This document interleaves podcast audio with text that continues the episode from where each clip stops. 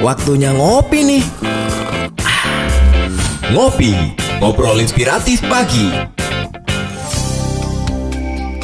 103,8 Prima Radio Surabaya Musik Enak Seharian Halo, apa kabar sahabat Prima? Dan tentunya saya juga menyapa yang ada di Rawa FM Padang Sidempuan Sumatera Utara Halo, apa kabar rekan Rawa FM semuanya? Sahabat Tri, yang ada di 3FM Kota Pinang, Labuan Batu Selatan, Sumatera Utara dan hari ini tentunya berjumpa kembali bersama saya Ira Nathanael di Ngopi, Ngobrol Inspiratif Pagi menemani Anda tentunya selama satu jam ke depan akan ada topik yang akan kita bahas dan hari ini kita mau bahas tentang kesehatan. Kalau kesehatan tentunya narasumber kita pasti dokter, meskipun bukan dokter cinta ya. Halo, pagi hari ini saya bersama Dr. Tuti Kusmiati, spesialis paru dari Rumah Sakit Uyung Sejahtera. Halo dokter. Pagi, Pagi. sahabat. Dokter Tuti semangat sekali ya hari ini ya, meskipun cuacanya agak mendung nih untuk Surabaya Barat nih ya. Dokter Tuti, hari ini kita mau bahas tentang apa ini dok? TBC. Tentang- Ya, TBC, tuberkulosis. Ini eh, penyakit yang sudah lama sekali sebenarnya, tapi sampai sekarang masih eksis, terutama di negara kita tercinta Indonesia. Dan TBC ini bukan penyakit biasa ya, dokter ya. Dan eh, mungkin bisa diinfokan dulu nih dokter, eh, definisi dari TBC sendiri ini apa sih? Kita taunya cuman sekedar untuk orang awam penyakit paru. Nah, Ya. kalau saya salah, mungkin dibenarkan ini dok. Bagaimana nih dokter Tuti definisinya? Jadi tuberkulosis atau disebut TBC orang awam mengenalnya TBC mungkin ada juga beberapa orang yang mengatakan ini TB sama aja TBC TB ini adalah suatu penyakit infeksi yang menular dan saya bilang sangat menular karena penularannya sangat mudah sekali melalui udara ya. Jadi pintu masuknya adalah paru-paru. Hmm. Paru-paru pintu masuknya, kenapa? Karena kuman ini adalah kuman yang senang dengan kadar oksigen tinggi. Kita Oh. tahu bahwa organ yang kaya akan oksigen di tubuh kita adalah paru. Paru. Ya. Ya. Walaupun walaupun bisa TBC itu menyerang di tempat lain, tapi sebagian besar menyerang paru. Ya. Oke. Bisa menyerang ke otak, ke tulang, Tapi ke ginjal. jarang ditemuin ya dok ya. Ya ada juga, Ada ya? sekitar 10 persen, ya 90 persennya mungkin ada di paru. Oke, nah eh, dokter untuk penyakit TB atau TBC ini banyak yang eh, kalau orang terkena penyakit TB atau TBC ini bisa dibilang mereka malu ya. Ya. Seringkali malu kan. Nah, Jarang ada itulah. yang mau mengakuin. Nah, Betul sekali. Jadi itu harus segera kita hapuskan dari Mm-mm. pikiran kita ya. Kita saat ini eh, bagaimana caranya jangan sampai ada stigma itu di masyarakat. ya. Karena akibatnya akan sangat sangat besar sekali. Akibatnya pasien tersebut tidak mau berobat. Nah, untuk pasien TBC yang tidak mau berobat ini sangat berisiko untuk menularkan ke orang lain. Ya. Karena eh, tidak ada penanganan anu ya, Dok ya. Sejak dini itu malah lebih bahaya dan Iya, gampang menular betul ya. sekali. Jadi untuk pasien TBC yang sudah diobati itu resikonya jauh lebih kecil eh, untuk menularkan ke orang lain dibanding mereka yang belum pernah mendapatkan pengobatan. Dokter berdasarkan data di Indonesia sendiri ini penyakit TB atau TBC termasuk penyakit beratkah, Dok? Kalau dia tidak diobati bisa menyebabkan kematian. Tapi kalau diobati dengan benar dia bisa sembuh. Ya, bisa sembuh. Nah, yang mungkin sahabat Prima, sahabat 3FM dan Raw FM yang belum tahu, Hmm. Kita tahu bahwa TBC itu merupakan penyakit yang tiga besar. Kita TBC di Indonesia itu tiga Iya. besar di dunia. Indonesia masuk tiga besar di Yes, dunia. Tiga besar, bukan di Asia, bukan di Iya, Asia Tenggara iya, ya, iya. tapi ini sudah hitungannya dunia. Nomor satu India, nomor dua Cina, nomor tiga Indonesia. Wah ini berarti ya banyak sekali ya Iya. eh, yang beresiko ini ya dokter Betul ya. sekali dan kita harus ndak- jangan ini menjadi tanggung jawab kita sebagai tenaga kesehatan. Kita mari bersama-sama ya masyarakat semua kalangan kita harapkan aware ya semuanya bisa eh, gimana sih cara mendeteksinya apa segala macam. Jadi nanti tidak tidak berlarut-larut penyakit tersebut. Nah dokter mengingat Indonesia termasuk tiga terbesar di dunia ini eh, siapa aja sih dok yang beresiko untuk TB eh, terkena penyakit TB? Apakah memang mereka yang tertular atau ada faktor keturunan atau genetik? Ya. Ini yang sering kali disalah sangkakan ya. Ini penyakit keturunan di keluarga saya tidak ada yang seperti ini. Kenapa kok saya seperti ini? Nah, kita tahu bahwa TBC itu ditularkan melalui udara. Otomatis kalau dalam satu rumah ada yang terkena, pasti kakaknya, adiknya, orang tuanya, suami, istri juga ikut terkena. Jadi seolah-olah keturunan, Keturunan. padahal itu adalah ketularan. Beda ya. keturunan iya. sama ketularan sangat-sangat berbeda. Beda-beda Ini tipis bukan ya. penyakit Hmm. keturunan ya. Hmm. Eh, kemudian siapa yang beresiko? Yang pertama, penyakit ini sangat erat hubungannya sama imunitas tubuh, kekebalan tubuh. Hmm. Jadi kalau kekebalan tubuh seseorang turun itu pasti akan memudahkan dia untuk menjadi sakit TB. Hmm. Karena kita kembali lagi tadi dikatakan bahwa sudah saya katakan kalau di Indonesia TB itu eh, angkanya sangat tinggi Iya. sehingga kita disebut sega- sebagai negara endemis TB. Hmm. Negara endemis TB. Jadi di mana-mana mungkin kita akan menemukan kuman itu. Ya, Wow. mungkin kita akan menghirup bagaimana rasanya kuman itu ya. Ya, berarti faktor alam kita mungkin ya, Dok? Atau Oh, tropis kita? bukan, Bu- Enggak. bukan faktor alam. Jadi eh, orang-orangnya sangat banyak sekali Banyak yang, yang menderita terkena. TBC Oh, oke. dan tidak semua di antara mereka itu yang mau diobati. Iya, Sehingga mereka adalah sebagai sumber-sumber penularan. Nah, itu bisa ada di mana-mana, bisa Hmm. di bioskop, mereka ada di mall, mereka ada di bank yang Ya. tempat yang crowded seperti itu ya.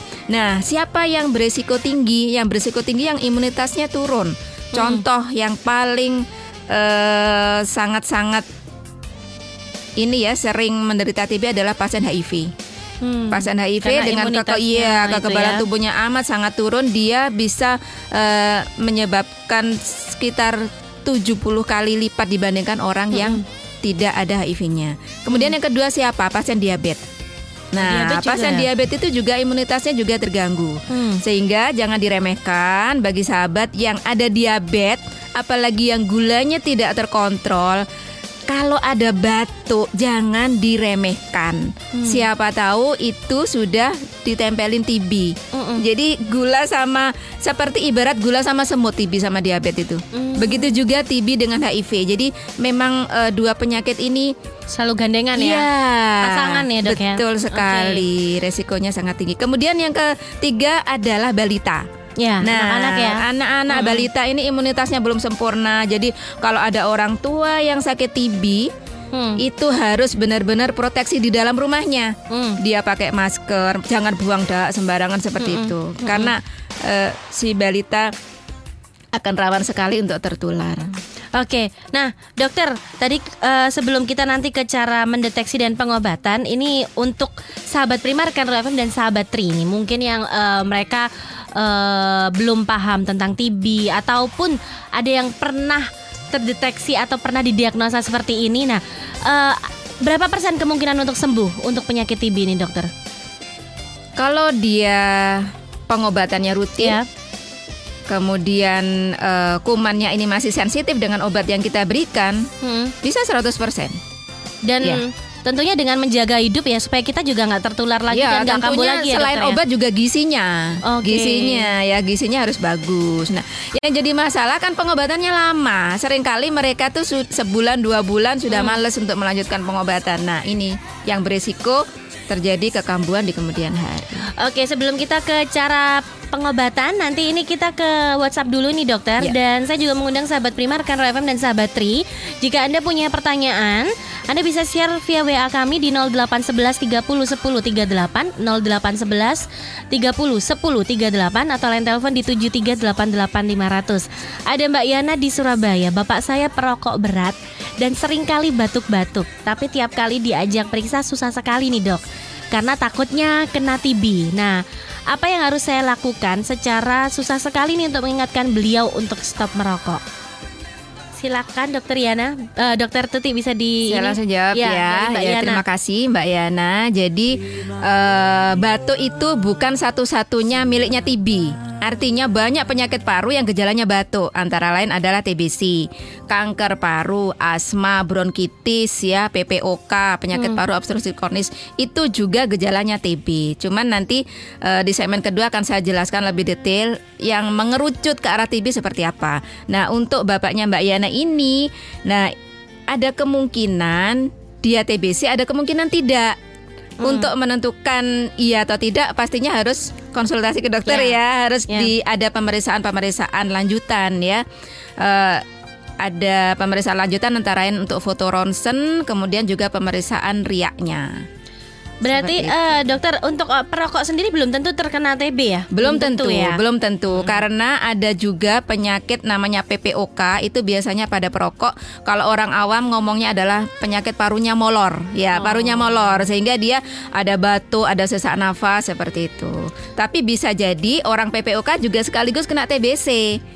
Nah, jadi jangan takut untuk memeriksakan diri ke dokter. Nah, ini kan contohnya takut kalau ternyata TBC lah. Ya. Kalau kalau tahu TBC kan bisa segera diobati dan bisa sembuh. Iya.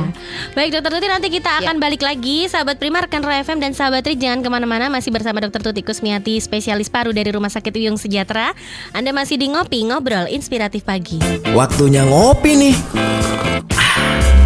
Ngopi, ngobrol inspiratif pagi. Masih di Ngopi Ngobrol Inspiratif Pagi Sahabat Prima, rekan Rau FM dan juga sahabat Tri Kita masih bersama dokter Tuti Kusmiati Spesialis Paru Dari Rumah Sakit Uyung Sejahtera.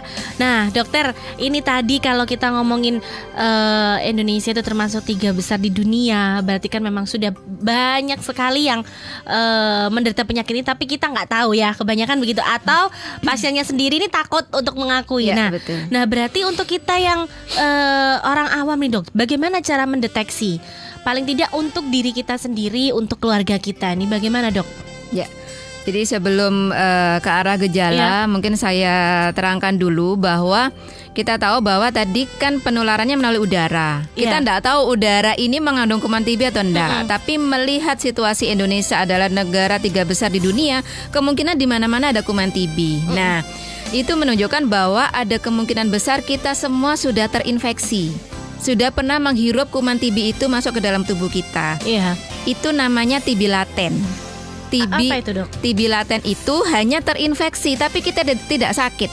Oh. Kita tidak sakit karena imunitas kita bagus. Oke. Nah, ya. TB laten itu kumannya diam tidur di dalam tubuh kita, dia tapi tidak mati, Mm-mm. tapi tidak menyebabkan sakit dan ini tidak menular. Ya, mungkin Kita kita nggak- kita, nah. semua sudah jadi TB laten mungkin ya. Tapi kita nggak menularkan ke orang juga ya, Enggak, Dok ya? karena kita Hmm. tidak sakit. Oke. Nah, nah, ada kalanya orang yang sudah terinfeksi tersebut, imunitasnya pas jelek ya, Mhm. eh, kekebalan tubuhnya tidak mampu untuk menghadapi serangan kuman tersebut, akhirnya dia jadi sakit. Nah, Hmm. orang inilah yang kita sebut sebagai sakit TB dan perlu diobati. Oke. Nah, siapa yang eh, kalau yang TB laten tadi tidak ada gejala, Mbak. Jadi kita terinfeksi, kumannya diem di dalam tubuh kita, di situ sudah dipenjara sama kita, sama imunitas kita udah dipenjara. Dan sampai kapan pun ketika imunitas kita turun bisa nggak dia muncul? bisa dia Oh, bisa oke. tidur bertahun-tahun berbulan bisa Bisa. bisa bertahan ya bisa, Bisa ya? tidur dalam waktu yang lama di dalam tubuh kita Dan ketika imunitas kita drop, dokter bisa, bangun muncul, bisa bangun. bisa bangun Oke. ya bisa bangun ya nah kalau pada saat bangun bagaimana gejalanya ya gejalanya adalah yang paling mudah dikenali oleh sahabat semua adalah batuk lebih dari dua minggu tidak sembuh-sembuh ini ya Hmm. kalau ada batuk lebih dari dua minggu tidak sembuh-sembuh itu harus kita curigai pasien ini eh, tem- eh, teman-teman atau saudara atau sahabat yang ada seperti itu perlu kita curigai sebagai tuberkulosis paru. Hmm. Nah, tentunya tidak hanya batuk saja, ada gejala ikutan lain. Ya. Apa itu?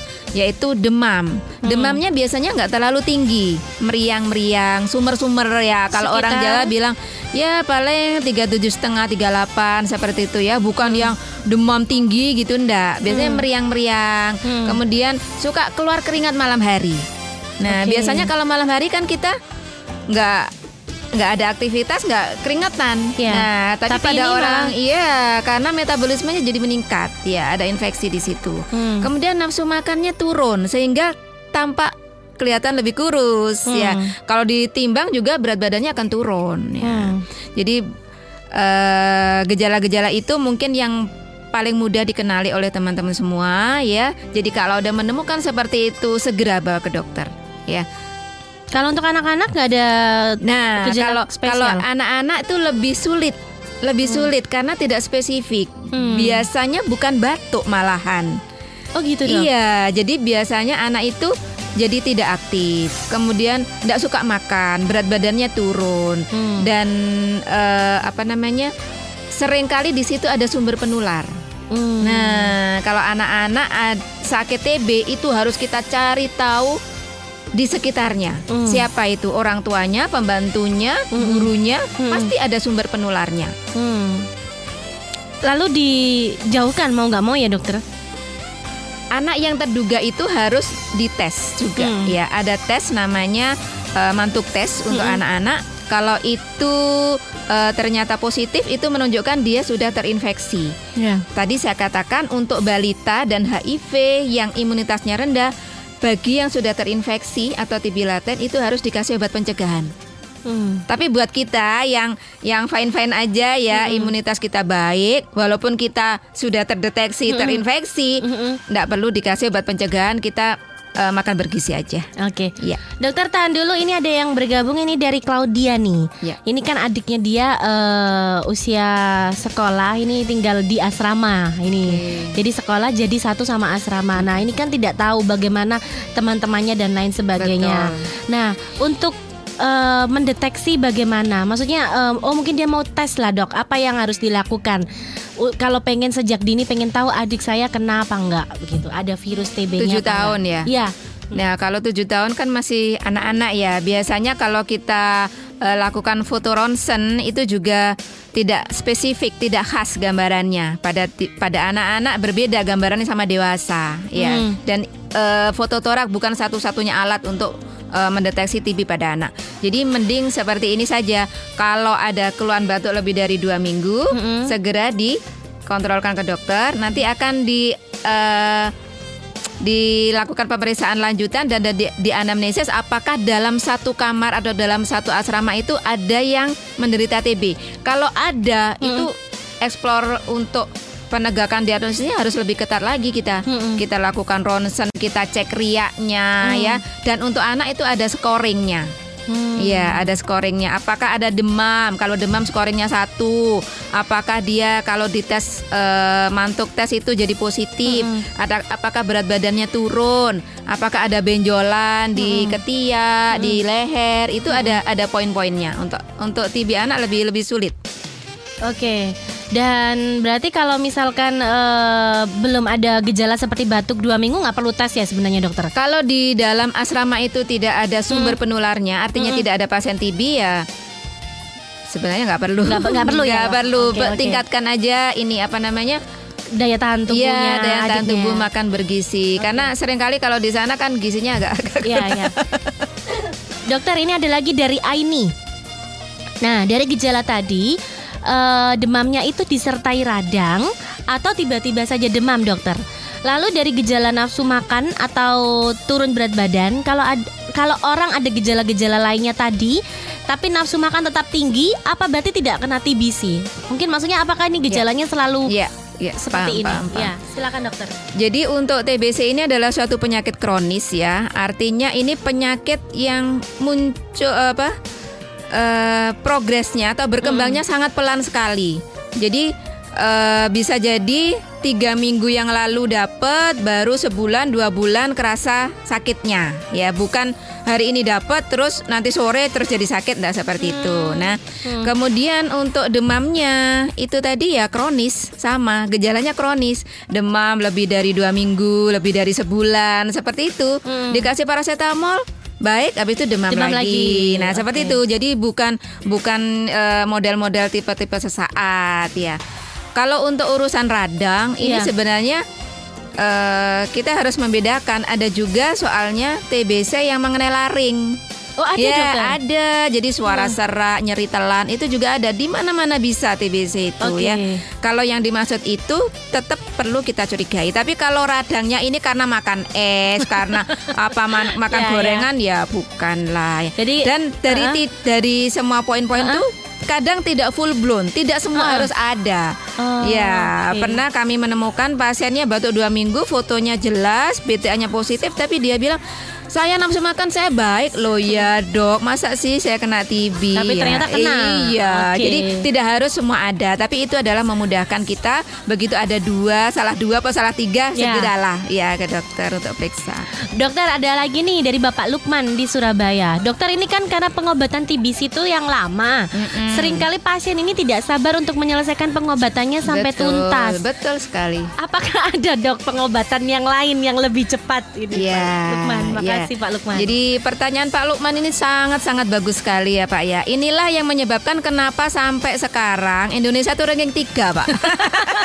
ranking 3 di dunia karena ya itu Hmm. ini obatnya sudah gratis ya, gratis loh sahabat. Iya, obat Oke. TBC itu gratis. Hmm. Terutama di puskesmas, rumah sakit eh, pemerintah dan juga rumah sakit Wiyang Sejahtera obat TBC gratis. Oke. Ya.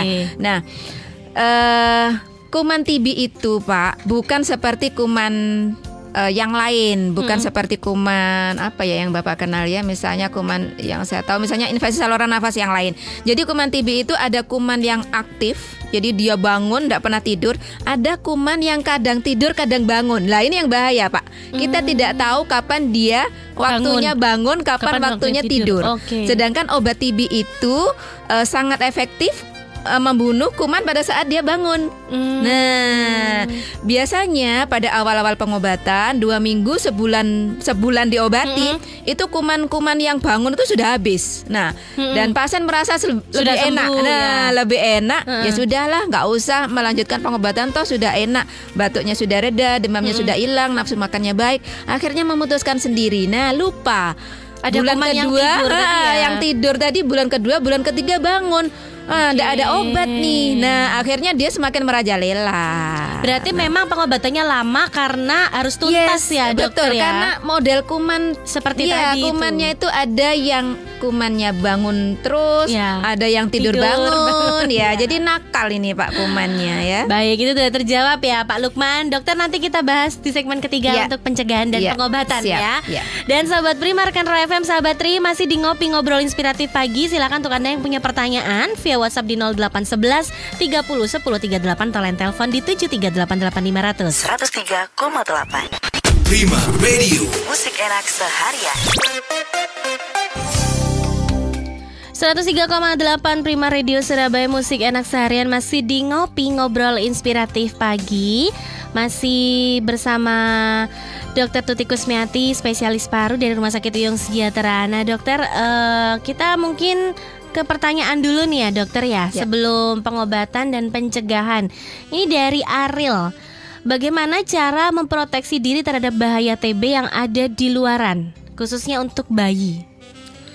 Untuk bayi kalau nggak perlu nggak usah diajak keluar. Karena eh, eh, mungkin kita semua nggak tahu ya. Surabaya Iya. itu yang paling tinggi loh di Jawa Timur. Oh ya dokter? Iya, Surabaya paling tinggi. Nah, eh, terutama di tempat-tempat yang tidak tidak ada ininya ya, tidak ada ventilasi, yang Ventilasi bagus, bagus nah, tidak ya. ada pertukaran udara yang bagus dan di situ banyak orang crowded Mm, seperti itu hindarilah bawa anak-anak seperti itu ya. Hmm. Misalnya di apa itu? Yang di Gedung bioskop, ya, ya. yang bioskop, suasana lembab, gelap Ya. itu kuman TB seneng banget. Hmm. Seneng banget. Jadi kuman TB ini senang pada suasana lembab, Ya. gelap, tidak ada ventilasi ya. Mm-mm. Itu dia bisa bertahan lama di situ, hidup di situ ber- berbulan-bulan ya, Hmm. berbulan-bulan nggak mati. Beda kalau di bawah sinar matahari langsung ya. Sinar matahari di teori dikatakan eh, kuman TB ini bisa mati di bawah sinar matahari langsung dua jam ya. Jadi kalau memang mau ngajak jalan-jalan yang udara terbuka aja, Pak. Ya. udara terbuka ya. Mendingan di alam gitu iya, ya dokter di ya? alam, di Jangan alam. di tempat-tempat yang tertutup dan iya. banyak orang ya. Betul. Apalagi dibawa ke rumah sakit di ruang tunggu. Waduh, ya. Ruang tunggunya ber AC. Waduh. Dokter, kita ke cara pengobatan nih. Tadi eh, memang cukup lama tadi ya, karena Iya. udah dijelasin sama dokter Iya, tadi kan. iya. Pak Lukman tadi tanya kenapa kok lama ya? Karena nggak semua kumannya bangun ya. Ada Iya, yang hobi tidur terus betul, bangun tadi itu ya. betul, betul nah, sekali. lalu pengobatannya apa saja nih dok yang dilakukan? Eh, pengobatan yang jelas dengan obat-obat TB ya. Iya. Obat-obat TB itu tidak bisa diberikan dengan satu obat. Jadi Mm-mm. prinsip pengobatan TB itu harus kombinasi 3 sampai 4 macam obat. Hmm. Nah, Jadi kadang-kadang orang lihat obatnya sudah enggak duluan ya, tapi mau enggak mau memang harus seperti itu. Cuman pengobatan oral aja ya dokter. Maksudnya tidak ada terapi-terapi khusus kalau untuk TB. ada yang bentuk injeksi juga, terutama pada mereka yang gagal di oral. Nah, makanya jangan sampai gagal nih sahabat yang eh, sedang pengobatan TB mungkin punya saudara ya. Jadi mumpung masih levelnya level 1 ya, kan Ya. ada level-levelan gini. Ada yang TB biasa, ada yang TB kebal obat. Oh, sudah ada yang seperti itu ya? Iya, TB kebal obat itu kebanyakan karena perilaku pasien sendiri. Kebanyakan pasiennya drop out sebelum waktunya. Terus minumnya kadang minum, kadang enggak. Jadi itu menyebabkan kuman itu bermutasi sehingga tidak bisa diobati dengan obat yang biasa. Harus dengan injeksi tadi ya? Iya. Oke. 3 sampai 4 eh Iya, 3 macam sampai obat 4 macam obat. Heeh. Itu macamnya obat, belum Iya. jumlah pilnya. Astaga, saya pikir itu jumlahnya lah. tidak dokter. selalu, Oh, tidak oke. selalu. Jadi satu macam obat bisa tergantung dosisnya. Kalau berat badan Bapak gemuk ya dapatnya banyak ya. Kalau kurus ya dapatnya sedikit. Kenapa dokter berat badan mempengaruhi? Jumlah dosis obat? kita berdasarkan berat badan pasien. Hmm. Ya. Dan eh, salah satu indikator keberhasilan pengobatan pada TB ini adalah berat badannya akan naik. Tadi kan waktu sakit dia ada penurunan berat badan nih. Nanti seiring dengan pengobatan dia membaik, nafsu makannya baik, berat badannya naik. Ada pasien sampai 10 kilo loh naiknya. Hmm. Iya. Baik, itu tadi pengobatan ya, dokter ya. Berarti cuman itu aja ya, dokter ya. Nah, pengobatannya setiap hari jangan sampai telat. Nah, Oke. kalau bisa perut kosong, kalau bisa. Kadang-kadang eh, masyarakat kita kurang ini ya, kurang familiar minum obat kok sebelum perut ko- eh, sebelum makan. Nah, kadang mereka takut ada image yang ah nanti jadinya begini-begini. Iya, kenapa dokter harus diminum saat perut kosong? penyerapannya bagus pada saat perut kosong untuk obat TB ya, Ya, untuk obat TB. Nah, ya. tapi kita cari jalan tengah biasanya untuk mengantisipasi keluhan lambung yang nggak kuat, kita cari jalan tengah 2 sampai 3 jam sesudah makan. Hmm, Oke. Nah, dokter tadi udah dijelaskan ya pengobatannya ya. Nah, Iya. untuk sahabat Prima yang ingin mencegah ini bagaimana ini dokter untuk pencegahan sendiri supaya sam- tidak sampai terkena? Baik, eh saya tambahin dulu Ya, untuk boleh, pengobatan boleh. ya. Kadang-kadang pasien-pasien itu karena pengobatannya semua obat itu punya efek samping ya, punya efek samping. Jadi eh, tidak memungkiri juga untuk obat TB ini juga efek sampingnya banyak. Tapi jangan diputusin sendiri. Kalau ada efek samping A, B, C, terus ah nggak mau minum obat. Ini eh, nggak enak banget di badan. Nah, tolong yang seperti ini jangan terjadi. Kalau ada efek samping, konsultasikan ke dokter. Nanti kita akan memanage efek samping itu. Biasanya apa dok yang muncul efek samping dari yang sering TB? adalah mual. Oh. Ya, yang sering mual, kemudian ada juga yang alergi. Nah, Hmm. itu semua bisa kita atasi, sahabat. Jadi eh, jangan DO memutuskan sepihak. Udah, minum Nah, gitu ya. Jangan, sayang, sayangi keluarga anda ya. Ya. Karena TB ini kalau pengobatannya nggak berhasil, yang menderita tidak hanya pasiennya. Tapi orang, Orang sekitar. sekitar. orang sekitar juga akan menderita hal yang sama dan pengobatan yang sama nantinya. Sampai berapa lama dokter untuk pengobatan TB ini? Eh, untuk TB yang biasa Iya. enam bulan. TB biasa 6 bulan. Enam bulan. Tapi Oke. TB itu TB paru ya. Ya. Untuk TB-TB tertentu, misalnya TB tulang, TB otak, di mana obat sulit menjangkau ya, Mm-mm. itu perlu waktu sampai satu tahun. Hmm. Nah, lah kalau yang enam bulan ini tidak benar, manajemennya, pengobatannya bolong-bolong, kadang minum, kadang enggak, itu bisa menyebabkan TB kebal obat dan TB kebal obat itu pengobatannya bisa sampai dua tahun. Malah makin lama Ya. ya. Baik, eh, dokter untuk pencegahan dan juga mungkin disimpulkan untuk eh, topik kita pagi Ya. hari ini. Jadi untuk pencegahan yang pertama untuk si pasien kita edukasi semua pasien TBC yang masih dalam pengobatan ya mungkin awal-awal pengobatan harus menggunakan masker ya. Hmm. Patuhi etika batuk. Etika batuk yang benar seperti apa? Jangan membuang ludah sembarangan ya. Mm-mm.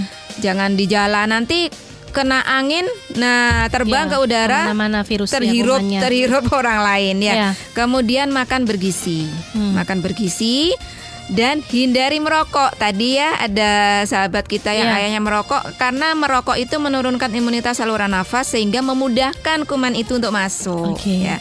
Itu. Jadi lifestyle-nya harus dijaga dan Hmm. bagi yang diabetes jangan remehkan. Kadar gula Anda yang tinggi ini akan memudahkan kuman TB yang menginfeksi tadi akan Bangun ya istilahnya. iya istilahnya akan merajalela lagi ya, ya, dia akan aktif mudah sekali aktif pada eh, pasien-pasien dengan imunitas yang tidak baik. Oke. Baik, dokter. Ya. Udah cukup kesimpulannya? Nah, ini eh, kita mau tanya lagi nih Dokter Tuti kalau misalkan sahabat Prima, rekan Roy FM dan sahabat Tri pingin konsultasi lebih lanjut lagi nih mengenai ini kan karena Dokter Tuti Kusmiati spesialis paru ya. Ya. Jadi bukan hanya TB tapi penyakit paru lainnya. Ya. Ini di Rumah Sakit Wilayah Sejahtera dokter jam prakteknya hari apa aja nih jam berapa? Eh, hari Senin dan Kamis jam 4 sore. Kemudian bagi yang sahabat yang kerja biasanya belum kerja belum pulang jam segitu, kami juga membuka hari Sabtu pagi jam 7.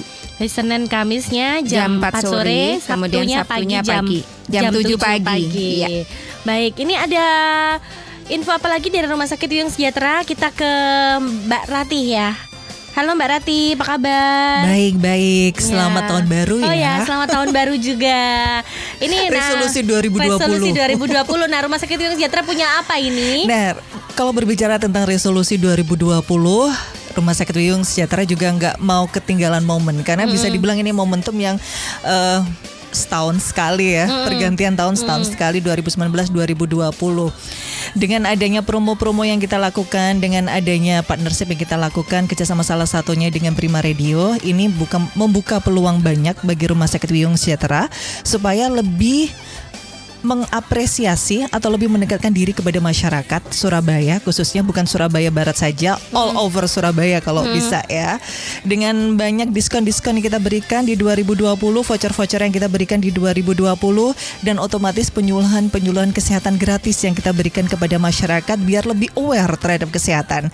Karena kalau berbicara kesehatan selama manusia itu bernafas kebutuhan hidup selalu dibutuhkan gitu kan dan kesehatan adalah Yang utama. Betul sekali, bukan faktor eh, primer atau sekun, eh, bukan faktor sekunder lagi atau tersier, tapi sudah faktor primer gitu. Karena dengan lifestyle yang kian tahun kian bertambah gaya hidupnya, tuntutan dan lain sebagainya, stres dan lain sebagainya, ini memunculkan penyakit-penyakit baru yang notabene masyarakat eh, Indonesia harus aware nih, harus aware terhadap kesehatan. Karena kalau bicara kesehatan itu mahal enggak, justru kalau sakit itu mahal ya dok. Jadi kita lebih aware lagi terhadap penyakit-penyakit ini. Salah satunya terima kasih sudah eh, Dokter Tuti ini sudah bersedia menginformasikan dan memberikan informatif yang luar biasa mengenai TBC.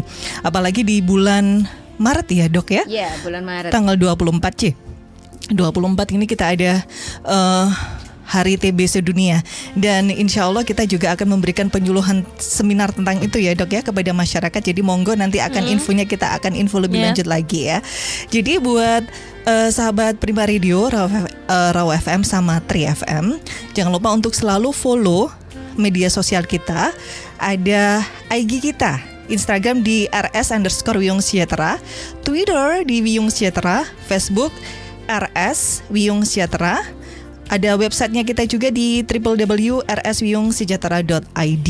Jadi kalau mau nanyakan masalah promo atau informasi kesehatan atau mungkin berbicara secara pribadi terhadap dokternya Ya. atau konsultasi bisa melalui dan follow up media sosial kita. Nanti bisa di direct visit di Yes. sana ya dengan pengen Yes. em, tanya tentang dokter siapa, jam prakteknya dan Betul, sebagainya betul, ya. betul. Dengan senang hati kita akan sangat eh, membantu teman-teman atau sahabat yang mau berkunjung ke Rumah Sakit Wiyung Sejahtera. Ada call center yang bisa dihubungi Mbak Rati? Eh, call center ada bisa lewat ini eh, hotline kita di 031 753 2653.